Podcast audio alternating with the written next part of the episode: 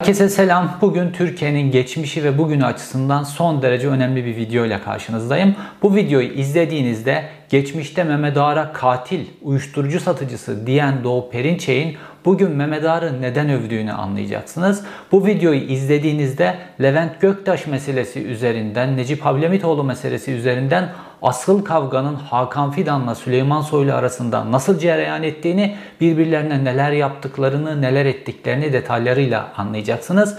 Bu videoyu izlediğinizde Şengül Hablemitoğlu'nun iki küçük kızıyla özel kuvvetler mensupları tarafından nasıl çepeçevre çevrildiklerini ve Necip Hablemitoğlu suikastinin nasıl içinden çıkılmaz bir hale getirildiğini isimlerini ilk defa duyacağınız aktörlerle birlikte anlayacaksınız.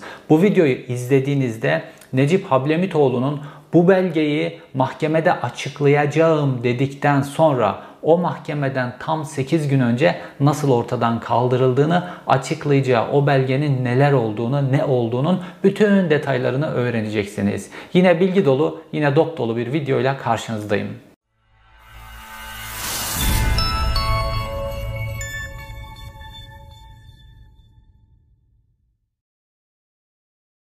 Öncelikle şu sıcak konuyla Mehmet Ağar Doğu Perinçek konusuyla başlayalım. Doğu Perinçek geçmişte Mehmet Ağar'ı katil, uyuşturucu satıcısı, Çiller Özel Örgütü'nün üyesi olmak dahil pek çok suçla suçlamıştı. Aklınıza gelebileceğiniz her şeyle suçluyordu. Hatta Tayyip Erdoğan'la can ciğer kuzu sarması olmasından sonra bile Doğu Perinçek Mehmet Ağar'ı övmekten kaçınıyordu. Fakat bir anda Necip Ablemitoğlu suikastinden hemen sonra Mehmet Ağar konusu sorulunca tamamen tersi şeyler söylemeye başladı ve Mehmet Ağar'ı savundu. Hatta dedi ki Mehmet Ağar şu an Türkiye Cumhuriyeti'nin için çok önemli görevler ifa ediyor dedi Doğu Perinçek. Ne oldu da bir anda Doğu Perinçek 180 derece Mehmet Ağar konusunda da döndü. Şimdi buradaki kritik mesele Levent Göktaş'ın kaçış meselesi. Levent Göktaş biliyorsunuz Necip Hablemitoğlu suikastinin azmettiricisi olmaktan aranıyor ve suikastin işlendiği dönemde özel kuvvetler içerisindeki en özel birlik olan MAK alay komutanı idi kendisi albay rütbesiyle en son. Şimdi Levent Göktaş ve Levent Göktaş'ın Necip Hablemitoğlu'nu öldürmekle suçlanan ekibiyle ilgili gözaltı kararı verdikten verildikten sonra ekibin üyeleri tamamen hepsi yakalandılar. Fakat Levent Göktaş sırra kadem bastı. Normalde Nuri Gökhan Bozkır Ukrayna'dan getirilip eski özel kuvvetler mensubu Levent Göktaş'ın kendisini azmettirdiğine ilişkin bilgi verdiği medyaya dahi düşmüştü. Bazı kanallardan da Levent Göktaş'a iletiliyordu. Ve bu sırada Levent Göktaş da elektronik takip, teknik takip altındaydı. Yani telefonları dinleniyordu. Fakat uzun süre Levent Göktaş'a dokunulmadı. Bunda diyebilirsiniz ki istihbari yönden Levent Göktaş'ın kimlerle e, ilişki kuracağını takip etmek için Levent Göktaş'ı o zamana kadar gözaltına almadılar diyebilirsiniz. Okey bunu kabul edelim. Fakat gözaltı kararı çıktıktan sonra da Levent Göktaş'ın kaçışı ile ilgili enteresanlıklar var. Şimdi Levent Göktaş'ın önce Ankara, sonra İstanbul, sonra Antalya, sonra tekrar Ankara'ya dönüş, İstanbul'a dönüşüyle ilgili bütün detaylar, fotoğraflar vesaire Sabah gazetesinde yayınlandı. Ve bu yayınların Süleyman Soylu'ya bak adamı yakalamıyorsun diye Sabah gazetesi üzerinden Tayyip Erdoğan, Hakan Fidan tarafının verdiği mesaj olduğunu daha önceki videomda anlatmıştım. Fakat bir gerçek var. Levent Göktaş Mehmet Ağar'ın kontrolünde olan illere gitti. Bu süre içerisinde İstanbul gibi, Ankara gibi Mehmet Ağar'a bağlı emniyet müdürlerinin Ankara Emniyet Müdürü Servet Yılmaz, İstanbul Emniyet Müdürü Zafer Aktaş bunların bulunduğu illere, bunların sorumluluğundaki illere gitti ve orada bazı yerlerde görüntü verdi Levent Göktaş. Ve şimdi anlıyoruz ki Milli İstihbarat Teşkilatı da Levent Göktaş'ı takip ediyor bu süre içerisinde ve bununla ilgili de emniyeti bilgilendiriyor. Hatta burası çok kritik. Levent Göktaş Kıraç Holding'e gittiğinde Kıraç Holding'de bulunduğu saatte Milli İstihbarat Teşkilatı tarafından Emniyet Teşkilatı'na bir uyarı gönderiliyor ve Levent Göktaş'ın Kıraç Holding'de olduğu bildiriliyor. Fakat Levent Göktaş Kıraç Holding'de yakalanmıyor. Ta savcılıktan arama kararı vesaire çıkana kadar Levent Göktaş Kıraç Holding'den ayrılıyor. Şimdi burada Zafer Aktaş yani Mehmet Ağar'ın polisleri kendilerini şöyle savunacaklar. Diyecekler ki ya işte savcılıktan zamanında arama kararı çıkmadı biz arama kararını çıkartana kadar filan Levent Göktaş kaçmış. Fakat normalde nasıl bir sistem uygulanması lazım? Bir tane polis ekibi oraya gönderirsiniz. Polis ekibi Levent Göktaş gizli bir sivil polis ekibi. Polis ekibi Levent Göktaş Kıraç Holding'den çıktıktan sonra eğer savcının arama kararı çıkmadan çıktıktan sonra polis ekibi gider şüpheli şahıs uygulamasından Levent Göktaş'ı arabanın içerisine atar götürür. Fakat bunu yapmıyorlar. Şöyle savcıdan emir bekledik de oldu da buldu da arama kararı çıkana kadar da filan diye oyalıyorlar. Yani Mehmet Ağar polisleri Levent Göktaş'a yol vermişler.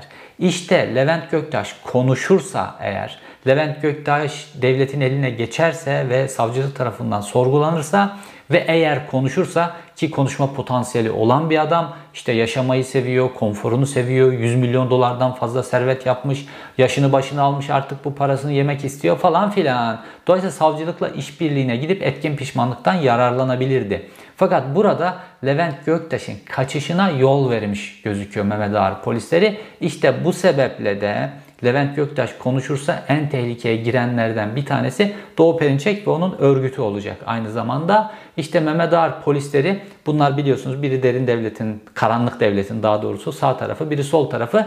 İş çok böyle kritik noktaya gelince işbirliği yapmayı çok iyi bilirler.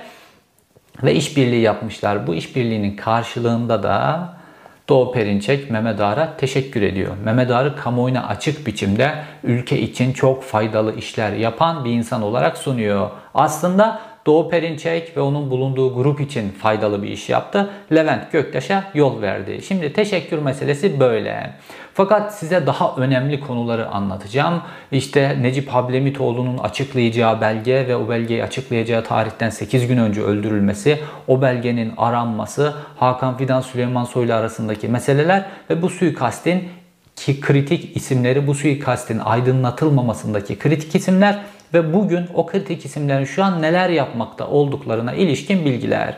Şimdi önce bu suikastin kritik isimlerinden başlayalım. Sonra Türkiye, Almanya arasında casusluk attı, casusluk davalarının açılması vesaire belgeler, üretilmiş sahte belgeler, o sahte belgelerin Necip Ablemitoğlu'na sunularak onun tuzağa düşürülmesi filan sizi film gibi bir hikaye bekliyor. Bu videoyu sonuna kadar izleyin. Fakat önce kritik isimleri bilmemiz lazım. Tek tek Necip Hablemitoğlu öldürüldüğünde kritik isimler kimdi ve onlar şu an neler yapıyor? Onlara şimdi tek tek isim isim girelim. İsim isim girelim ki eğer şu an soruşturma yürüten savcı da gerçekten bu Necip Hablemitoğlu suikastini aydınlatmasa işte o da az sonra listeleyeceğim kritik isimler gibi kendisi de o listeye eklenecek ve günün birinde kendisi de yargılanacak. Bu soruşturmayı şu an iktidarın istediği gibi değil, başka kuvvet odaklarının istediği gibi değil. Gerçekten ne olduysa o şekilde aydınlatmalı savcı. Şimdi başlayalım. Tek tek kritik isimleri anlatmaya. Necip Hablemitoğlu öldürüldükten sonra artık olay adli bir vaka oluyor. Yani artık savcılığın ve adli kolluğun hangi birim ilgiliyse terör mü ilgili bununla ilgili normal asayiş bir olay olarak görünüyor. Cinayet büro mu bakacak vesaire. Artık olay adli bir boyuta geliyor. Dolayısıyla savcı çok kritik bir rolde ve adli kolluk kuvveti çok kritik bir rolde. Necip Hablemitoğlu öldürüldü. Ve o zaman Ankara Cumhuriyet Başsavcısı kim? Buna bakmamız lazım. Şimdi hani böyle cinayet örtüldüğü üzeri kim, o, kimin yaptığı ortaya çıkartılmadı falan diyor ya. 20 yıl sonra özel kuvvetler mensuplarının organize biçimde bu cinayeti işlediklerine ilişkin bilgiler ortaya saçılıyor. Acaba bu bilgiler o zaman yok muydu? Acaba bu bilgiler o zaman devletin elinde yok muydu? Bu bilgilerin hepsi o zaman devletin elinde vardı ve tespit edilmişti. Fakat önemli olan kritik noktalardaki adamlar bunları iddianameye çevirtmişler mi? Bu bilgileri vermişler mi? Soruşturma dosyasına sokmuşlar mı vesaire? Bu bilgileri soruşturma dosyalarına sokmayan kim? Bunlara tek tek girmemiz lazım ki dünü de bugünü de anlayalım. Çünkü bu adamlar bugün de çok önemli pozisyondalar. Tek tek Necip Hablemitoğlu'nun eşi Şengül Hablemitoğlu'nun da etrafını saran isimler bunlar. Dolayısıyla Şengül Hablemitoğlu'nun nasıl yalnız bırakıldığını, etrafının nasıl bir çete tarafından sarıldığını anlayabilmemiz için tek tek bu adamların üzerine gitmemiz lazım. Dönemin Ankara Cumhuriyet Başsavcısı Fahri Kasırga. Fahri Kasırga o kadar önemli bir adam ki şu anda Türkiye'nin en önemli pozisyonlarından bir tanesinde bulunuyor. Cumhurbaşkanlığı Başdanışmanı. Fakat o zamana gelene kadar Tayyip Erdoğan bütün ipleri Türkiye'nin e, Türkiye'de eline aldığında ve işte bu Doğu Perinçeklerle vesaire ittifak kurduğunda o 2014-2015'li yıllarda Cumhurbaşkanlığı Genel Sekreteri yaptığı ilk isim kim biliyor musunuz? Fahri Kasırga. Onun öncesinde Fahri Kasırga'yı Başbakanlık Müsteşarı yapmıştı. Başbakanlık Müsteşarı ne demekti eskiden biliyor musunuz? Türkiye'deki bürokrasinin, bütün bürokrasinin bir numaralı koltuğu. Sonra o koltuk Türkiye'deki bütün bürokrasinin bir numaralı koltuğu Cumhurbaşkanlığı Genel Sekreteri oldu, Genel Sekreterliği oldu. Yani Tayyip Erdoğan'ın Perinçeklerle ittifak kurduğu dönemde Tayyip Erdoğan'ın yanına bütün bürokrasiyi yönetmek için koyulan adam Fahri Kasırga. Sonrasında Tayyip Erdoğan onu YÖK üyesi de yaptı. Şimdi Cumhurbaşkanlığı Genel Sekreterliğinden ayrıldı ve Cumhurbaşkanı Başdanışmanı sıfatıyla hala sarayda yer alıyor. Şimdi deniyor ya deliller kapatıldı. Şimdi Necip Hablemitoğlu suikasti Ankara'da işleniyor ve Ankara'da bu suikasti aydınlatmak için kendisinin de gecesini gündüzüne katması gereken eğer suikasti savcı, polis, o bu filan böyle aydınlatmak için çok çalışmıyorsa müdahale edip savcıyı değiştirmesi gereken, adli kolluk birimlerini değiştirmesi gereken imparator gibi bütün soruşturmaya yönetmesi gereken kişi Ankara Cumhuriyet Başsavcısı. Ve dönemin Ankara Cumhuriyet Başsavcısı Fahri Kasırga şu an yine sarayda Türkiye'nin en önemli pozisyonlarından bir tanesinde. Şimdi deniyor ya böyle olay kapatılmış falan filan. Eğer olay kapatılmışsa olayın kapatılmasındaki bir numaralı sorumlulardan bir tanesi Fahri Kasırga. O zaman bu kapatma işi Fahri Kasırga'ya yürümesi lazım. Şimdi gelelim iki numaraya. Hamza Keleş. Hamza Keleş niye önemli? Çünkü Hamza Keleş de dönemin başsavcı yardımcısı ve DGM ve özel yetkili mahkemelerden sorumlu başsavcı yardımcısı ve bu Necip Hablemitoğlu suikasti siyasi bir suikast olduğu için de kendi sorumluluk alanında başsavcı yardımcısı Hamza Keleş ne durumda şu anda? Gayet iyi emekliliğinin tadını çıkartıyor. Hiçbir problem yaşamıyor Türkiye'de. Hatta biz Hamza Keleş'i nereden biliyoruz biliyor musunuz? Ne zaman böyle enteresan derin bir hadise olsa hemen ona burnunu sokan Ankara'da ve o olayı böyle bir şekilde kapattıran bir kişi. Hatta meşhur Danıştay baskını vardı ya kanlı Danıştay baskını Alparslan Aslan'ın yaptığı. O zaman bu olayın üzerini kapatmaya çalışmak, Alparslan Aslan'dan diğer isimlere doğru bu olayın genişlemesini engellemeye çalışmaktan soruşturma geçirdi Hamza Keleş. Şimdi Fahri Kasırga başsavcı. Onun özel yetkili mahkemelerden sorumlu yardımcısı, e, başsavcı yardımcısı Hamza Keleş. Bunların ikisi de şu an gayet rahat. Keyiflerinde bir sorun var mı? Yok. Şimdi gelelim bir de esas olarak olaya müdahale eden savcıya. Suikast işlendikten sonra olay yerine nöbetçi savcı sıfatıyla Cengiz Köksal geliyor ve soruşturmaya el koyuyor sonrasında da devam ettiriyor. Cengiz Köksal şu an nerede? Yargıtay üyesi, Fenerbahçe delegesi, gayet keyfi yerinde. Bu devirde yani Doğu Perinçek Tayyip Erdoğan ittifakında o da gayet keyfi yerinde Yargıtay üyeliğine getirilmiş, Fenerbahçe delegesi filan hiç başı dertte değil. Bu soruşturmada bu saydığım isimlerin hiçbirisinin ismi geçmiyor. Şimdi Saygı Öztürk diyor ya Saygı abi benim gazeteci büyüğümdür.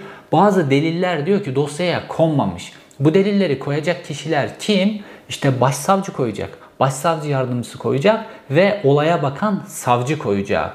Fakat bunları koymayan, dosyayı oluşturmayan, Necip Hablemitoğlu soruşturmasının aydınlanmasını istemeyenler şu an hiç isimleri geçmiyor. Bak bunların isimlerini ilk defa benden duyuyorsunuz. Bu dosyaya, dosyaya bu delilleri kim koymamış? İsimleri tek tek duyuyorsunuz ve bu isimlerin şu an nasıl kıyak pozisyonlarda olduğunu da görüyorsunuz. Çünkü işbirliği devam ediyor. Şimdi bir de başka bir adam var. Esas soruşturmayı polis ayağında yürüten adam Osman Kaya. Şimdi bu adam dönemin Ankara Terörle Mücadele Şube Müdürü. Dolayısıyla bu Hablemitoğlu suikasti bir terör eylemi olarak görüldüğü için ilk etapta sorumlu olarak, adli kolluk olarak sorumlu Osman Kaya yapılıyor ve Ankara Terörle Mücadele Şubesi de Osman Kaya'nın yönetiminde bu soruşturmayı araştırıyor. Şimdi normalde Osman Kaya'nın ne yapması lazım? İlk önce bütün o bölgedeki meşhur bu HTS kayıtlarını çıkarması lazım. O bölgede o saatte kimin cep telefonu sinyal veriyor vesaire bunlara Osman Kaya'nın bakması lazım. Buna karakoldaki en acemi polis bile yapacağı ilk iş bu. Şimdi Saygı abi diyor ki bu HTS kayıtları ve CDR kayıtları soruşturma dosyasına konmamış diyor. Bir kere soruşturma dosyasında onlar var aslına bakarsanız. O ayrı konu. Fakat eğer konmamışsa bunu soruşturmayı yürüten Ankara Terörle Mücadele Şube Müdürü Osman Kaya'nın yapması lazımdı. Fakat yapmadı. Şimdi diğerleri hep kıyak pozisyondalar. Osman Kaya kıyak pozisyonda mı? Gayet kıyak pozisyonda. Osman Kaya'yı nerede görürsünüz biliyor musunuz?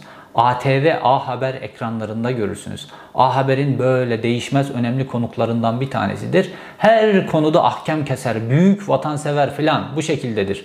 Ama bu Necip Hablemitoğlu soruşturmasında ya bu delilleri filan bu işleri niye artı, açığa çıkarmamış? Ta 20 yıl sonra bile bu delillere bakıldığında orada baz verenler filan bulunuyor da o gün bu Osman Kaya niye bakmamış, niye bunları çıkarmamış filan?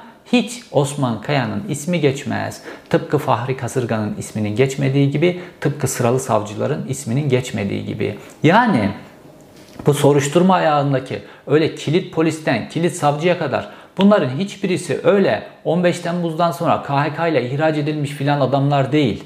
Bunların hepsi Tayyip Erdoğan Doğu Perinçek iktidarında halen daha makbul adamlar, köşe başlarını tutan adamlar. O gün o soruş, o suikasti kimler işlediyse ve üzerine kim beton döktüyse şu anda yine iktidarın kritik pozisyondalar. Ve göreceksiniz bu Necip Hablemitoğlu'nu suikastini aydınlatmakla ilgili bunların bir niyetleri de yok.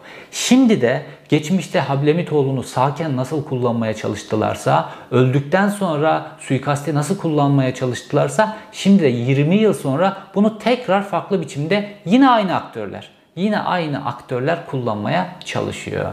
Fakat bu aktörler bununla sınırlı değil. Şimdi bu siyasi bir suikast netice itibariyle ve siyasi suikast olduğu zaman da iki tane devletin kritik biriminin otomatikmen devreye girmesi lazım. Bunlardan bir tanesi Emniyet İstihbarat Dairesi, diğeri Milli İstihbarat Teşkilatı'nın devreye girmesi lazım. Şimdi bakalım. Dosya aydınlatamamış ya. Dönemin Emniyet İstihbarat Daire Başkanı kim? Sabri Uzun.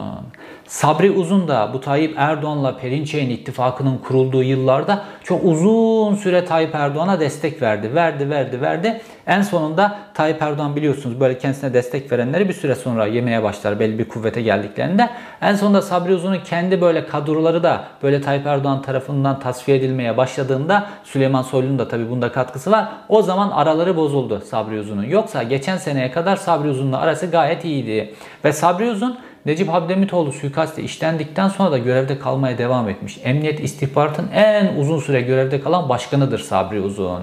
Dolayısıyla Sabri Uzun da sonra kitap yazıyor da şöyle oldu da böyle oldu da filan diyor. Ha Sabri Uzun sen emniyet istihbaratın başkanısın. Sen bu delilleri filan böyle görmedin mi o dosyayı filan? Bunları acaba savcılığa neden iletmedin?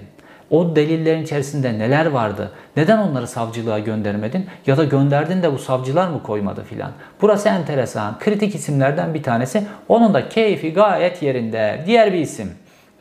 Dönemin Milli İstihbarat Teşkilatı Müsteşarı Şenkal Atasagun. Şimdi bu adam da böyle acayip milliyetçi, Devlet Bahçeli ile kanka, Devlet Bahçeli'nin bulunduğu Milliyetçi Hareket Partisi'nde kendisine danışmanlık konumu verildi. Şu anda emekli olduktan sonra MİT'te ve Devlet Bahçeli'yi de el arkasından yöneten adam Şenkal Atasagun. Böyle milliyetçi, vatansever filan bu şekilde geçiliyor. Peki 20 yıl sonra Hakan Fidan yönetimindeki Milli İstihbarat Teşkilatı şimdi başka siyasi nedenlerle bu dosyadaki bütün bilgileri savcılığa gönderiyor da 20 yıl önce senin elinde de bu bilgiler vardı. Niye savcılığa göndermedin? Niye bununla ilgili bütün her şeyi kayıt altına aldırmadın? Dosya niye boş? Dosyanın içi niye boş? İşte hepiniz hep beraber ittifak yapmışsınız. Başsavcısı ittifak yapmış, başsavcı vekili ittifak yapmış, savcısı ittifak yapmış, olay araştıran terörle e, mücadele şubesi müdürü ittifak yapmış, istihbarat daire başkanı ittifak yapmış ve Milli İstihbarat Teşkilatı Başkanı ittifak yapmış. Hepsi bu şekilde ittifak halindeler ve olayı yürütüyorlar. Şimdi gelelim Şengil Hablemitoğlu ile ilgili kritik kısma. Çünkü bunlar olayı soruşturacak olan tarafı hem böyle adli kolluğu hem savcıyı hem istihbarat tarafını tamamen kendi adamlarından tutuyorlar. Hem de savunma tarafını da her zaman kendi adamlarından tutarlar. Yani olayın üzerine gidecek avukat da kendi adamları olması lazım ki olay tamamen karanlıkta kalsın. O zaman Şengül Hablemitoğlu ve Necip Hablemitoğlu ailesinin avukatı kim? Hüseyin Buzoğlu. Şimdi bu adam son derece enteresan bir adam. Hüseyin Buzoğlu eski bir asker. Bakın bunu hiç kimse konuşmaz. Necip Hablemitoğlu'nun avukatı Hablemitoğlu ailesinin avukatı eski bir asker ve özel kuvvetlerci bir asker. Şimdi bunu hiç konuşmuyorlar. Hüseyin Buzoğlu'nu hiç konuşmuyorlar. Hiç kimse dillendirmiyor. Fakat çok önemli Hüseyin Buzoğlu. Bu davanın en önemli kişisi birazdan Necip Hablemitoğlu'nun öldürülmesinden önceki rolüne de geleceğim Hüseyin Buzoğlu'nun. Şimdi özel kuvvetlerin şöyle bir rolü var. İçerisinde işte siyah kuvvetler, beyaz kuvvetler diye kuvvetler var. Bunların bir kısmı şöyle. Askeri okullarda eğitim gördükten sonra bunlar askeri okullardan ve Türk Silahlı Kuvvetlerinden ayrılıyorlar. Sonra sivil hayatın içerisinde rol alıyorlar. Kimisi gazeteci oluyor, kimisi avukat oluyor filan. Böyle toplumun farklı noktalarında roller oluyor. Hakim oluyorlar, savcı oluyorlar vesaire. Bu özel kuvvetin yönergelerinde de filan olan bir hadise. Şimdi baktığımızda Hüseyin Buzoğlu asker, özel kuvvetlerci, ailenin avukatı. Levent Göktaş asker, özel kuvvetlerci, suikasti işler, işleten adam. Katil Tarkan Mumcuoğlu, katil denen kişi özel kuvvetler mensubu sonra MIT'e geçiyor filan. Her taraftan böyle özel kuvvetlerciler tarafından Şengül Hablemitoğlu'nun etrafını çevirmişler. Cinayeti işleyen de onlardan, avukat da onlardan. Şengül Hablemitoğlu ve iki tane kızı böyle yapayalnız bırakılmış. Avukat diye Hüseyin Buzoğlu'na sığınıyor. Soruşturmayı derinleştirmesini, olayı gerçi ortaya çıkarmasını sağlıyor. Hüseyin Buzoğlu da onların adamı filan.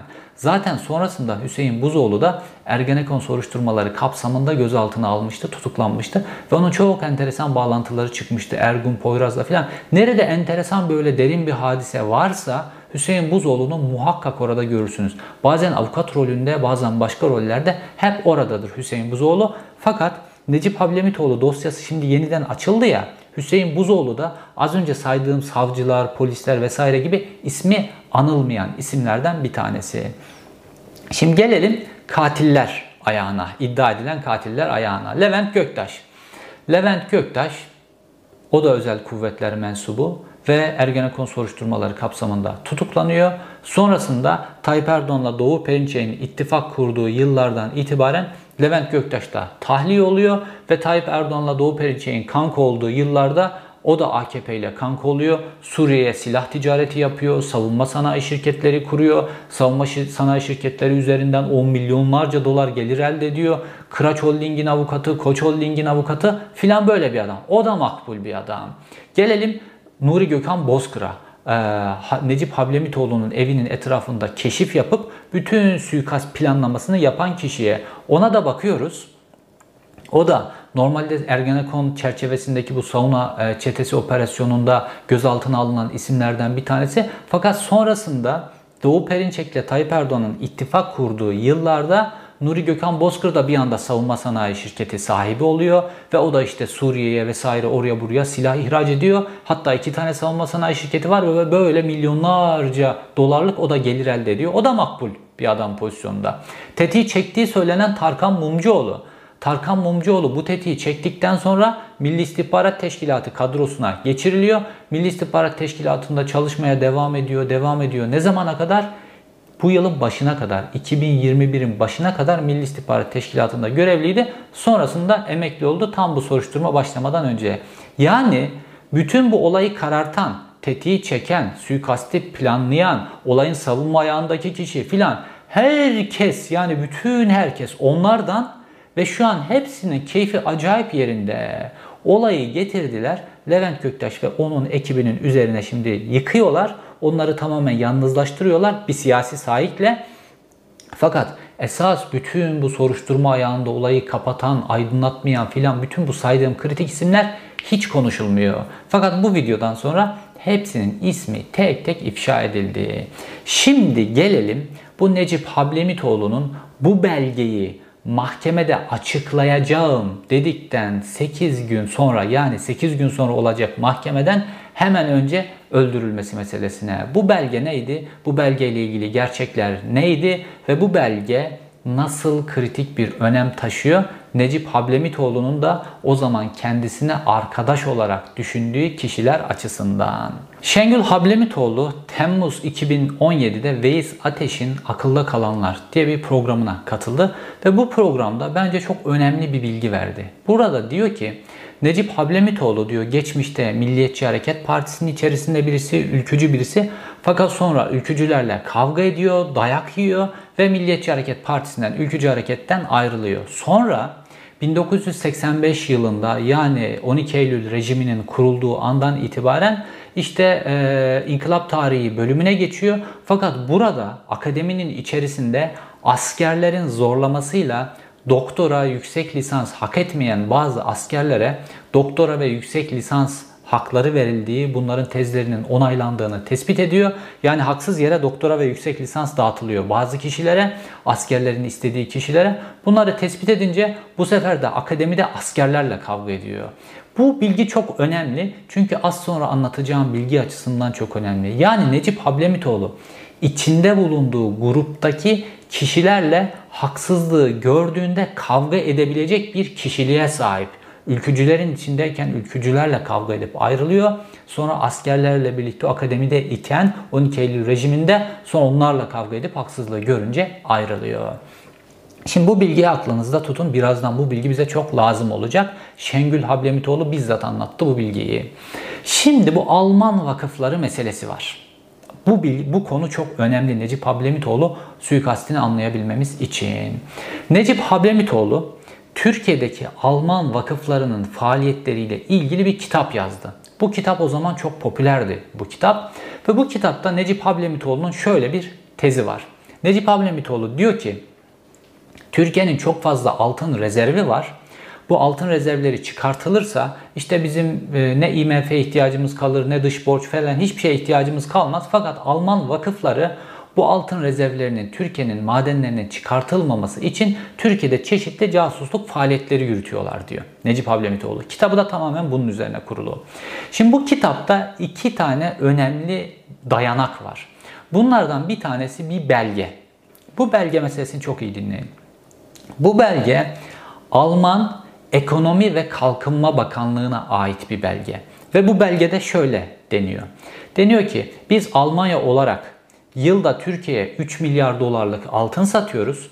Eğer Türkiye bu altınlarını çıkarırsa o zaman bizden bu altınları ihraç etmeyecek. Dolayısıyla biz çok fazla gelir kaybına uğrayacağız. O zaman ne yapalım? Türkiye'deki altın madenlerine karşı, siyanürlü altın çıkarmaya karşı olan çevreciler, işte o zaman özellikle Bergama altın madenlerine karşı olan bir çevreci grup vardı. Hatırlıyorsanız hop dedik Asterix diye böyle bunlar çok böyle sembolleşmişlerdi ve Türkiye Cumhuriyeti'nin tarihinin böyle görmeyeceği kadar böyle yaratıcı böyle bir e, eylemler yapıyorlardı Bergama altın madenine karşı. Ve diyor ki işte diyor e, Necip Hablemitoğlu'nun yayınladığı bu belgede biz diyor bu çevreci grupları, o bazı dernekleri vesaire bunları finanse edelim. Dolayısıyla Türkiye bu altını çıkartamasın diyor. Bu belge kime ait? Alman Ekonomi ve Kalkınma Bakanlığı'na ait. Ve Necip Hablemitoğlu diyor ki, ikinci bir isimden bahsediyor. Metin Deli Ormanlı diye bir isimden bahsediyor. Diyor ki Profesör Metin Deli Ormanlı İsveç'te yaşayan bir profesör bu belgeyi tespit ediyor. Sonra bu belgeyi alıyor, bütün Türkiye'deki devlet kurumlarına gönderiyor. Fakat bu belgeyle ilgili Türkiye'deki devlet kurumları hiçbir şey yapmıyor diyor.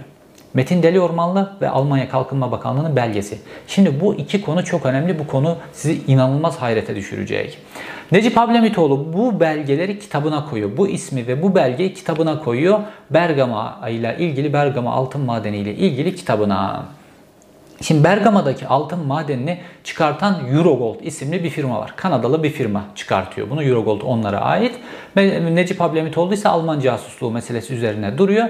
Ve aslında Necip Hablemitoğlu'nun bu kitabı Eurogold firmasına yarıyor. Eurogold firmasının işini önünü açıyor. Çünkü Eurogold firmasının altın çıkarmasındaki engel bu köylüler, çevreciler. Onlar sürekli Danıştay'a dava açıyorlar filan altınları çıkartmıyorlar. Necip Hablemitoğlu bu kitabı yayınladıktan sonra bütün bu çevreci meselelerle ilgilenen gazeteciler şok oluyorlar. Tabi böyle bir belge. Neden? Çünkü bu Alman Kalkınma Bakanlığı'nın yayınlanan belgesinde isimler geçiyor. İşte şu çevreci adam, işte İstanbul Barosu'nun başkanı, e, şu çevreci e, sivil toplum kuruluşu, dernek isimleri filan isim isim kime para yardımı yaptıkları filan isim isim yazıyor. O kadar böyle şey ki bir casusluk davasının geleceği belli böyle bu kadar isim isim geçince ve hakikaten dönemin Devlet Güvenlik Mahkemesi savcısı Nuh Mete Yüksel hemen bir Alman casusluğu soruşturması başlatıyor ve bunu davaya çeviriyor ve 15 kişi hakkında Alman casusluğu yaptıklarıyla ilişkin dava başlatıyor.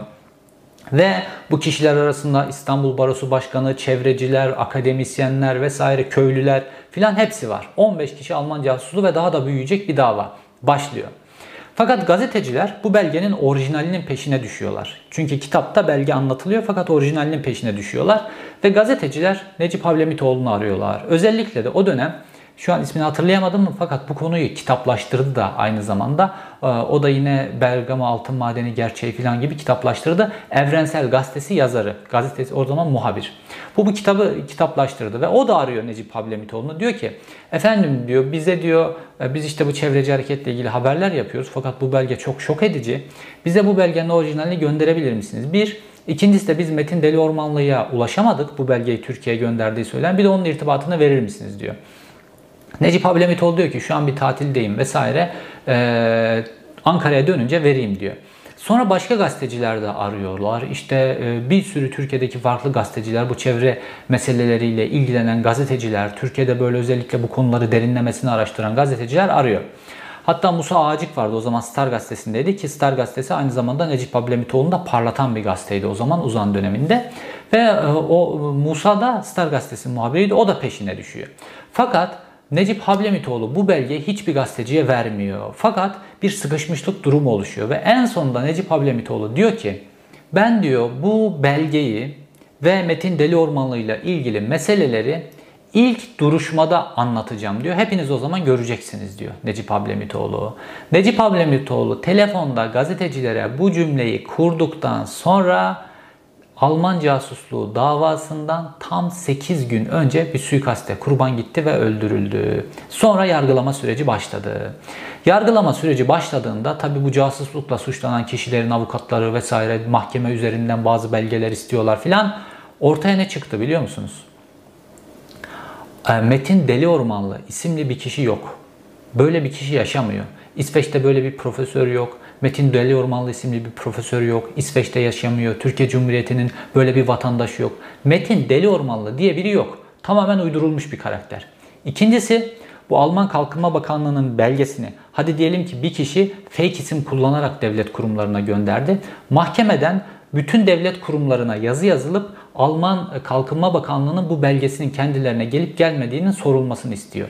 Ve mahkeme bütün kurumlara soruyor. Ne emniyeti, ne MIT'i, ne Enerji Bakanlığı, Enerji ve Tabi Kaynaklar Bakanlığı hiçbir yere böyle bir belge gelmemiş. Böyle bir belge yok. Hiçbir devlet kurumuna iletilmemiş. Sonra Dışişleri Bakanlığı'na soruyorlar. Dışişleri Bakanlığı araştırma yapıyor. Dışişleri Bakanlığı da diyor ki Alman Kalkınma Bakanlığı'nın böyle bir belgesi yok diyor. Hatta sonra ortaya ne çıkıyor biliyor musunuz yargılama sürecinde?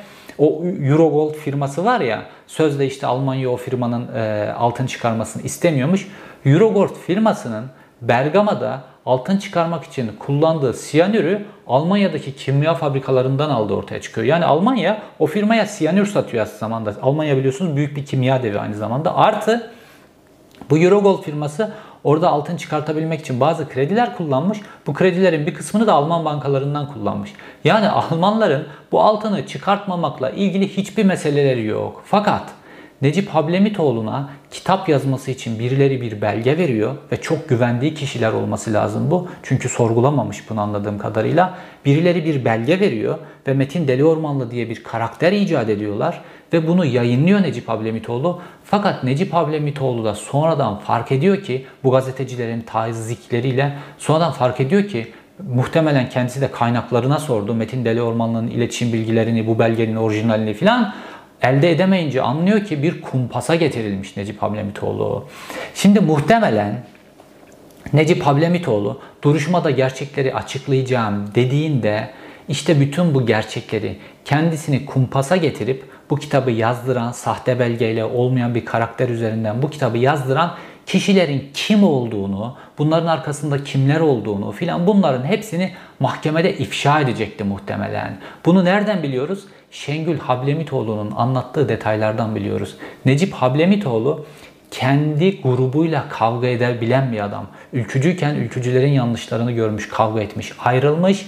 Sonrasında askerlerin iktidarda olduğu 1980'li yıllarda askerlerle kavga etmiş, askerlerle birbirine girmiş ve şimdi de kendisine böyle bir olmayan karakter, sahte bir belge veriliyor. Şimdi de muhtemelen onlarla boğaz boğaza girecekti. Fakat bunun 8 gün öncesinde ortadan kaldırıldı. Şimdi kimi ortadan kaldırdığı noktasında çok daha ilginç bilgiler var. Şimdi gelelim bu bilgilere. Şimdi e, Aydın Engin vardı. Rahmetli oldu. Gazeteci büyüğümüz. Cumhuriyet Gazetesi'nde yazardı. Çok önemli bir isim. O da 1980'li yıllarda aynı benim gibi Türkiye'yi terk etmek zorunda kalmış. Gelmiş Almanya'da taksi şoförlüğü yapmış. O yapmış, bu yapmış. Hayatta kalmış. Sonra da Türkiye'ye döndü ve saygın bir yazardı. Aydın Engin. Aydın Engin de o dönemde bu Bergama altın madeni vesaire bu Eurogold firması onun siyanürlü altın e, kullanması vesaire siyanürlü altın çıkarması ile ilgili sürekli yazılar yazıyor Cumhuriyet Gazetesi'nde ve e, bu yazıları yazdığı dönemde Eurogold firması e, Aydın Engin'i e, davet ediyor Euro e, Bergama altın madenine ve onu altın madeninde gezdiriyorlar. Ve burada şöyle enteresan bir şeyle karşılaşıyor. Eee Altın madeninin sahipleri diyorlar ki işte Necip Hablemitoğlu bu konuyla ilgili bir kitap yazdı. Fakat Alman e, vakıfları bu kitabı halk okuyamasın diye toplu olarak bu kitabı satın aldılar. Piyasada kitap bulunamıyor. Fakat bizde bir tane var size bunu verebiliriz diyorlar. Ve Aydın Engin'e bu kitabı veriyorlar. Aydın Engin de alıyor. Sonra Aydın Engin çizmelerini giyiyor. Aydın Engin madene iniyor işte beraber madeni geziyorlar filan. Sonra çıkıyor Aydın Engin çizmelerini çıkarıyor filan orada bir yemek verilecek. İşte yemeğe, yemeği ayarlamak için yanındaki adamlar vesaire gidiyorlar. Aydın Engin o sırada ayakkabılarını bulamıyor. Bunların hepsini Aydın Engin anlattı. Açık açık hepsini yazdı bunların hepsini.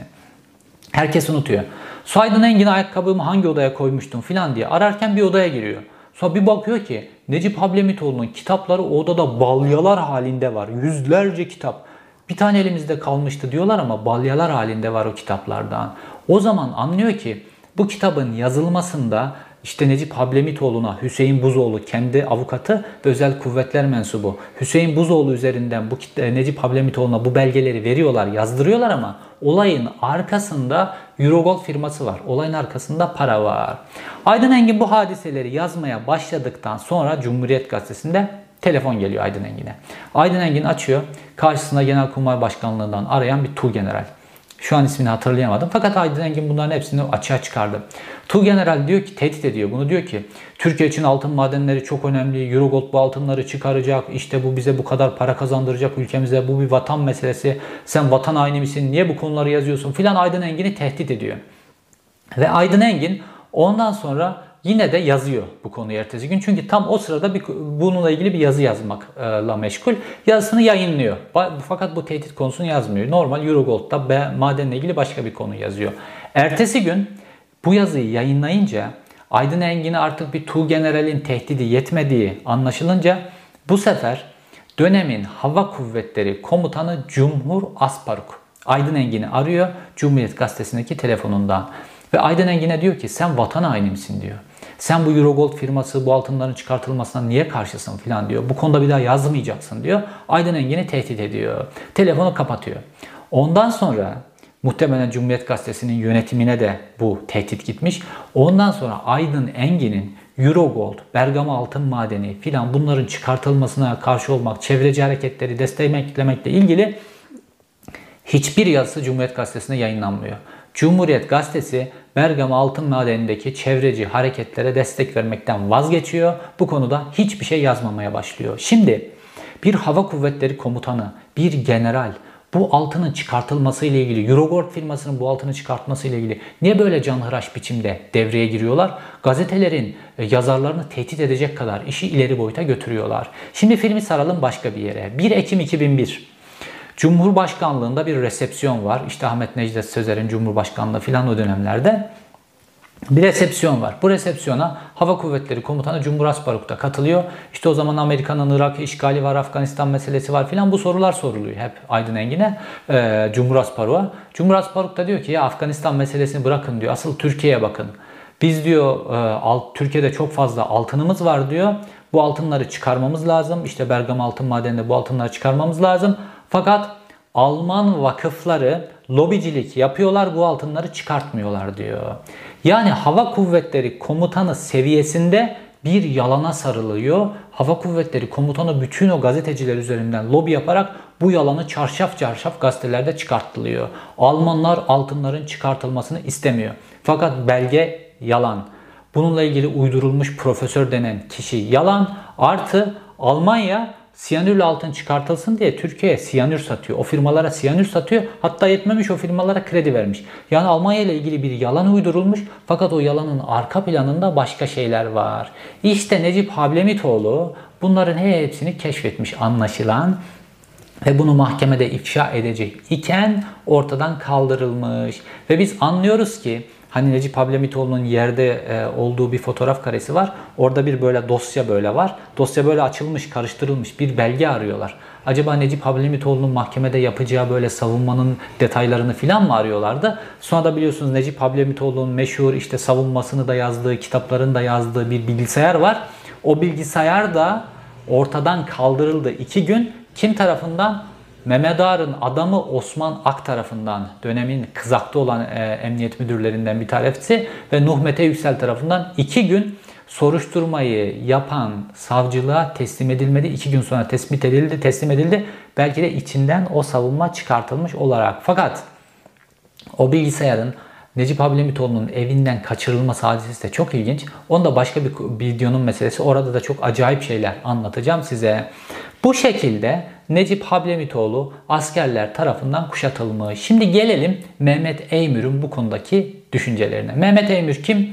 Milli İstihbarat Teşkilatı'nın kontr terör daire başkanı. Milli İstihbarat Teşkilatı'nın en efsanevi e, ajanlarından bir tanesidir. Mehmet Eymür diyor ki Genelkurmay'ın içerisinde toplumla ilişkiler başkanlığı diye bir birim var diyor. İsminin böyle olduğuna bakmayın.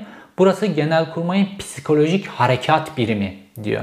Ve Genelkurmay'ın psikolojik bu harekat birimi Necip Hablemitoğlu'na yayınlatmak üzere böyle bir yalancı bir karakter, yalandan bir belge üretiyorlar.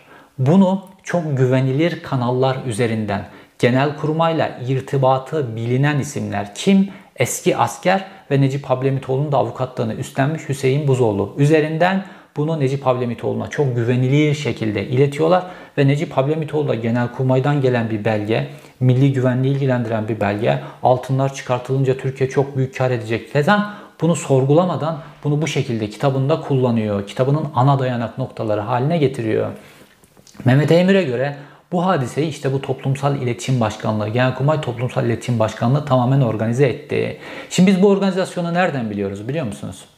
28 Şubat'ın dayanağı olan meşhur bir andıç belgesi vardı böyle. Orada da bazı gazetecilerin isim listeleri vardı ve bu gazeteciler PKK'ya yardım etmekle suçlanıyorlardı. Sonra o gazetecilerin başlarına işler geldi. O listede yer alan Akın Birdal suikaste uğradı. Kaç yerinden kurşunlandı, zor kurtarıldı. Bu Andıç belgesi çok meşhurdur. Google'dan da arayabilirsiniz. 28 Şubat'taki Andıç belgesi. İşte bu Andıç belgesi yine Genelkurmay Psikolojik Harekat Birimi tarafından uydurulmuştu. Ve Necip Hablemitoğlu'na da verilen Almanya Kalkınma Bakanlığı'na ait olduğu söylenen belgeye baktığımızda bu Andıç belgesine o kadar benziyor ki nasıl orada böyle gazetecilerin isimleri yazılıp PKK'ya yardımla ilgileri olmadığı halde o dönemin en etkin gazetecileri yok edildi, ortadan kaldırıldı, işsiz bırakıldılar vesaire ise mesleki olarak yok edildiler ise fakat o belgenin sahte olduğu da ortaya çıktı andıç belgesinin. Aynı şekilde burada da bir andıç belgesi üretmişler ve Almanya sözde yazmış tek tek. Şu e, sivil toplum kuruluşuna bu kadar para veriyoruz. Ondan sonra şu e, aktiviste bu kadar para veriyoruz. Bergama köylülerine böyle yapıyoruz filan diye uydurmuşlar. Aynı yerin ikinci bir andıcı bu sefer Bergama altın madeni üzerinden. Anlaşılan Necip Hablemitoğlu bu dümeni keşfetmiş.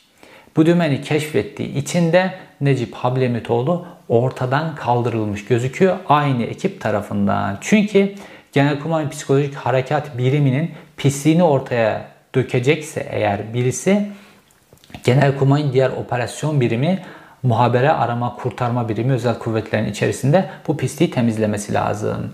Şimdi normalde baktığımızda işte bazı suikastler var. Mesela Uğur Mumcu suikasti falan gibi. Burada normalde bu karanlık devlet araya bir örgüt koyar.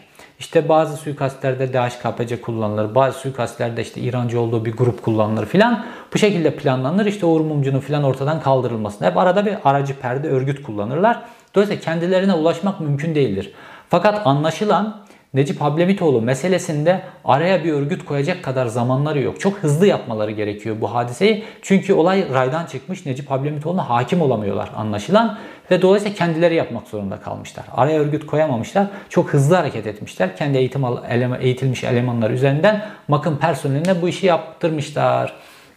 Şimdi MAK personeli bu işi sorgulamaz. Onlara verilen devlet terbiyesi bu şekildedir.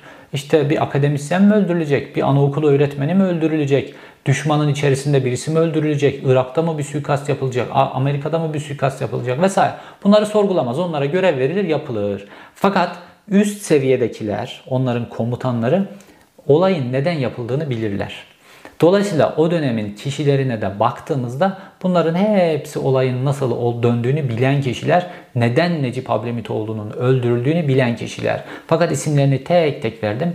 Bunların hiçbirisi bunların yargılanmaya dönmesi için görevini yapmamış, adım atmamış. Dolayısıyla eğer şu an soruşturmayı yürüten savcı gerçekten Necip Hablemitoğlu'nun suikastini aydınlatmak istiyorsa dönemin adli olarak olayı araştıran terörle mücadele şube müdürü, Ankara Terörle Mücadele Şube Müdürü Osman Kaya'dan başlayarak soruşturmayla ilgilenen savcı, dönemin başsavcısı vesaire hepsini ifadeye çağırması lazım. Dönemin Emniyet İstihbarat Başkanlığı, dönemin MİT Başkanlığı hepsini ifadeye çağırması lazım.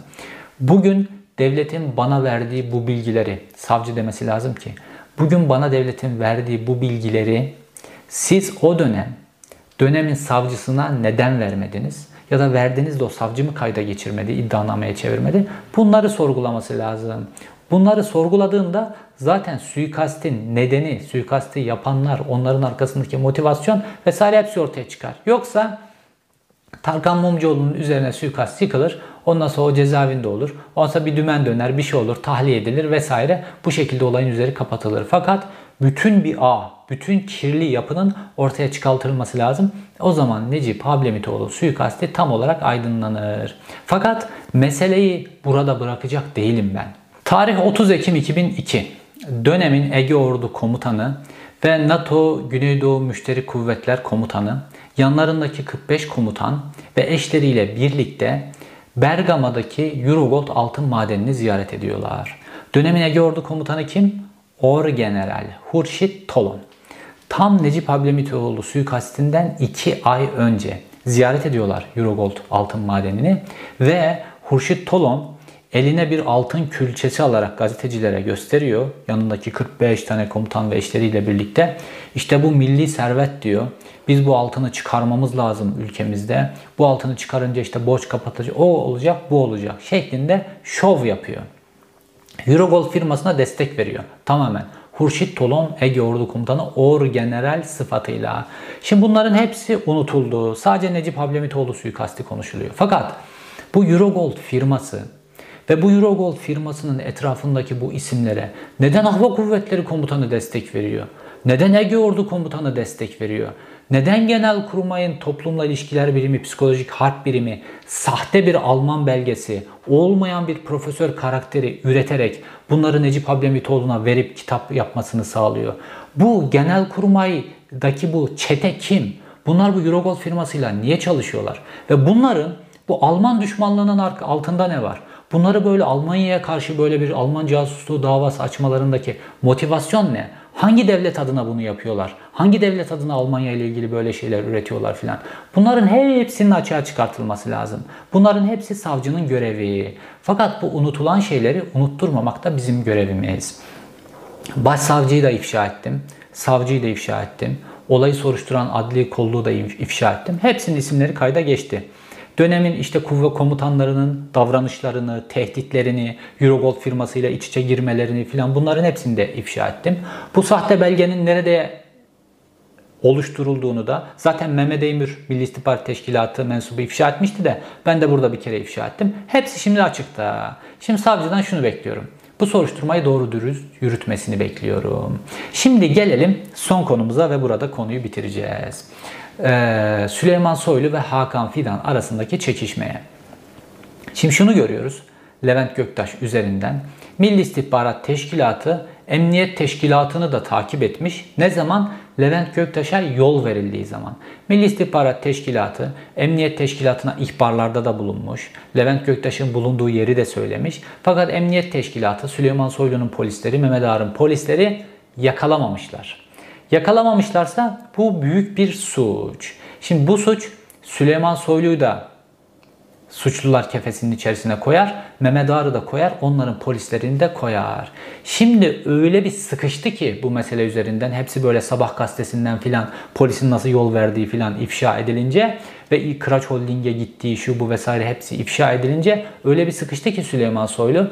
Süleyman Soylu'nun en has adamının kellesini Tayyip Erdoğan uçurdu. Normalde bu kadar böyle bunları kumpa kafesin içerisine almadıkları dönemde hatırlayın Tayyip Erdoğan Süleyman Soylu'yu Sedat Peker'in ifşaları sonrasında oluşan güzel ortamda görevden aldırabilmek için iki kere Bahçeli'nin ayağına gitti, evinde ziyaret etti. Süleyman Soylu'yu görevden aldıramadı. Süleyman Soylu'nun emrindeki kritik noktalardaki polislerden bir tanesini bile görevden alamadı Tayyip Erdoğan. Fakat şu an MİT tarafından da yapılan kumpasla yol vermeleri tek tek kayda geçirmelerle Süleyman Soylu öyle bir zayıf noktaya soktular ki Süleyman Soylu'nun en has adamı Erdal Çetinkaya. Siber suçlarla daire başkanı Erdal Çetinkaya'yı bu hafta içerisinde Tayyip Erdoğan görevden aldı ve yerine Emniyet İstihbarat Teşkilatı'ndan Tayyip Erdoğan'ın direkt kendisine güvendiği bir kişiyi getirdiler. E, siber suçlarla mücadele dairesinin başına koydular. O kişinin eşi de şu an sarayda çalışıyor polis görevlisi olarak. Dolayısıyla Süleyman Soylu'nun bunu pek çok videoda anlattım. Süleyman Soylu siber daireyi kendisine özel istihbarat teşkilatı haline getirmişti. Verdiği yasa dışı yetkilerle. Emniyet istihbaratın veri tabanına doğrudan ulaşma yetkisi vermişti Süleyman Soylu buraya ve 350 tane sivil personel almıştı siber daireye. Bu sivil personele tamamen suç olarak sadece polislerin ulaşabileceği e, bilgilere ulaşma hakkı vermişti. Yetmemişti. Sadece istihbaratçı polislerin ulaşabileceği Emniyet İstihbarat Dairesi'nin veri tabanına da ulaşma yetkisi vermişti. Yani Süleyman Soylu siber daireyi kendi özel istihbarat teşkilatı yapmıştı. Şimdi işte bu Levent Göktaş üzerinden Süleyman Soylu'nun bütün suçları kayıt altına alınınca, nasıl yol verdiği kayıt altına alınınca Tayyip Erdoğan Süleyman Soylu'nun istihbarat teşkilatının başkanını görevden aldı. Kellesini uçurdu. Süleyman Soylu'dan hiçbir ses çıkamadı. İşte gördüğünüz gibi Necip Hablemitoğlu suikasti filan bu dosyanın açılması bunların bunu aydınlatmakla ilgili bir dertleri yok. Güç mücadelesindeki hadiseler. Tayyip Erdoğan'dan sonra iki tane güçlü figür var. Hatta 3 tane diyebiliriz. Hakan Fidan, Süleyman Soylu, Hulusi Akar. Hulusi Akar kendine göre derinden ilerliyor. Son yüksek askeri şurada da iyice kuvvetli pozisyona geldi. Süleyman Soylu da bayağı bütün Sedat Peker krizlerine filan rağmen kuvvetini korumayı sağlamıştı. Arkasında MHP vardı. Onunla kendisini seçim sonuna taşıyabilirdi. Şimdi adamların kellesi gitmeye başladı. Kötü bir durum. Hakan Fidansa orada sessizce yıpranmayan diğer bir figür olarak yavaş yavaş ilerliyor. Olay tamamen kuvvetler mücadelesiyle ilgili. Bunda da Necip Ablemitoğlu suikastini de Levent Göktaş'a yol verilmesini de hepsini araç olarak kullanıyorlar. Bunların suikast, miskast aydınlatacağı yok. Benim gördüğüm bu. Yine de soruşturma savcısına düşen bu olayın her şeyini kayıt altına geçirmek, bütün suçlular, yol verenler falan her şeyi kayıt altına geçirip doğru dürüst gerçek bir yargılama yapmak. Yoksa ileride onun ismini de sayarız. Onun kendisi de bu suçlular zümresinin içerisine katılır. Tabi bir de aileye düşen sorumluluklar var. Şengül Hablemitoğlu'na işte şimdi belki kendisi de bilmiyordur. Hüseyin Buzoğlu'nun bütün yönlerini anlattım ki bence kendisi de bir noktadan sonra fark etti. Hüseyin Buzoğlu'nun avukatı olmaktan çıkardı. Fakat bence şu anki avukatına da dikkat etmesi lazım Şengül Hablemitoğlu'nun. İzlediğiniz için teşekkür ederim. Bir sonraki videoda görüşmek üzere.